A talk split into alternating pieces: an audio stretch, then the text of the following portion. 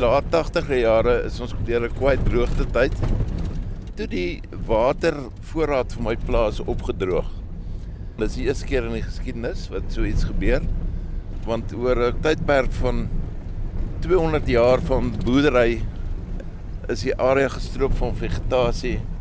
Dit het 'n invloed gehad op die vermoë van die grond om water te herlaai. Al kry ons reën, die water loop weg koolstof is eintlik die spons van die aarde.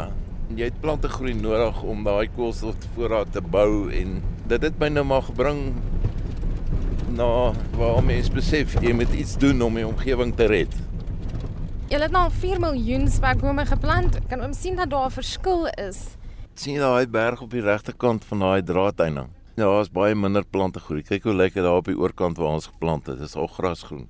Hy beskryf spekbome as 'n ankerspesie in die stuk veld wat herstel word. Hulle groei slegs op die hange wat noord kyk en is inheems aan die gebied. Hy het byvoorbeeld nie sonlig nodig om te fotosinteer nie. Hy kan energie in sy blare stoor en dan snags as dit koel is dan fotosinteer hy. Hy verloor nie vog deur sy blare nie. Sy huidmondjies bly toe as dit warm is.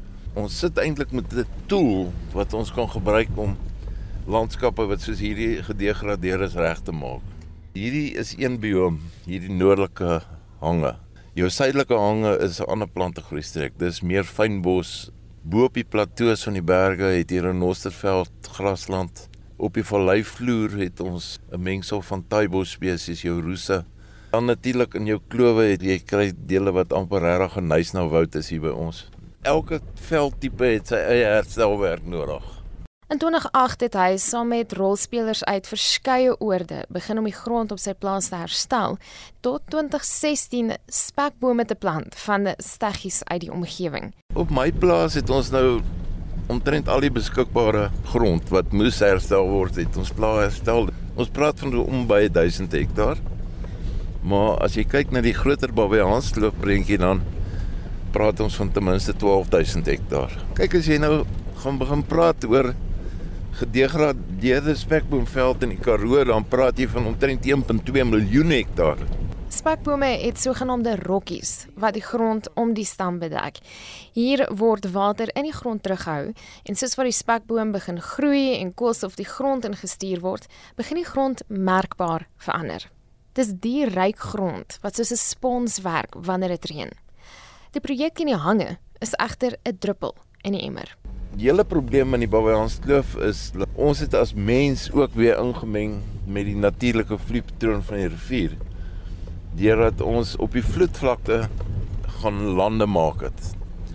En dan om die landerye te beskerm, het jy noodslote en keerwalle in goed gemaak. Maar in die proses het mense die rivier gekanaliseer. En dit lei tot versnelde afloop. Ons kan dit eintlik vergelyk met 'n omgekrapte maag. Alles wat inkom, vloei net uit. En so dehydreer jou area. Dit het gebeur dat die Kougadam in 2011 van 32% af tot 100% gevol geloop het in 'n week. En toe loop die water vir 4 maande oor die damwalsee toe. Dis die ekologiese reserve. Se water wat see toe geloop het. Daai water moes hier gebly het. Dan het ons nie nou 'n droogte gehad nie, want hierdie stelsel nog steeds daai dam gevoed. En die proses word ook op die plaas teëgewerk. Ons maak klein dammetjies. Ons sit hier met afloop gedurende reënbuie en dan vang hierdie dammetjies elkeen vang so 50 of 80 liter water. En dan saai ons grassaad binne in om plante groei te hervestig. Ons het befondsing gekry by Coke African Foundation en dit was maar deel van hulle social responsibility program op hulle eie watervoetspoor wat hulle het. Ons moes 99 miljoen liter water opvang op hierdie manier.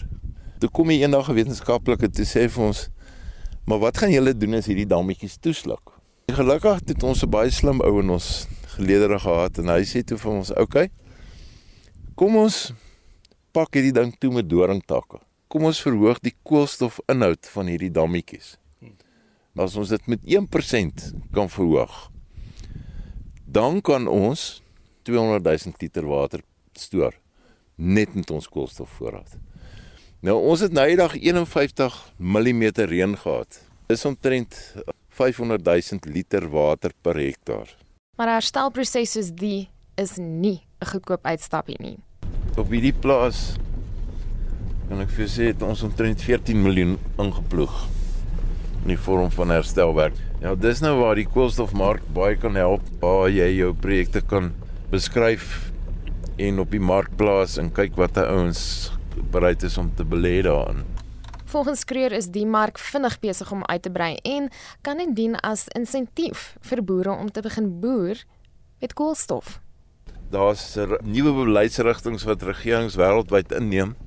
So jy het fabrieke wat koolstof in die atmosfeer vrylaat en hulle kan dan hulle voetspoor kleiner maak deur krediete aan te koop of hulle moet belastings betaal. Aan die ander wyse as ek 100 ton koolstof met my bome uit die atmosfeer uit kan uithaal dan maal ek dit met die waarde van die koolstofprys op daai stadium. Dit is jy werk amper soos jy aandelebeurs. En hulle voorspel dat dit nogal 'n groot mark gaan word binnekort. Wel, hy groei ongelooflik vinnig. Hy was maar 6 dollar per ton. Ek dink hy trek nou al daar by 32 dollar per ton. En baie ons reken hy gaan 2025 gaan hy opgaan na 100 dollar per ton toe. Dis nou volgens navorsing wat gedoen is dat spekboomwoude, soos wat ons dit nou geplant het, tot 4.5 ton koolstof per jaar uit die atmosfeer kan uithaal. Nou, hoe bepaal 'n mens hoeveel koolstof haal hulle uit die lug uit? Jy sê jy moes metings gedoen het, hoe ja, werk dit? Ja, voor ons begin plant het, het ons hulle noem dit basislyn studies gedoen waar hulle fisies kyk na die koolstofinhoud van die grond. Hulle doen 'n biomassa bepaling sowel as die wortelmassa.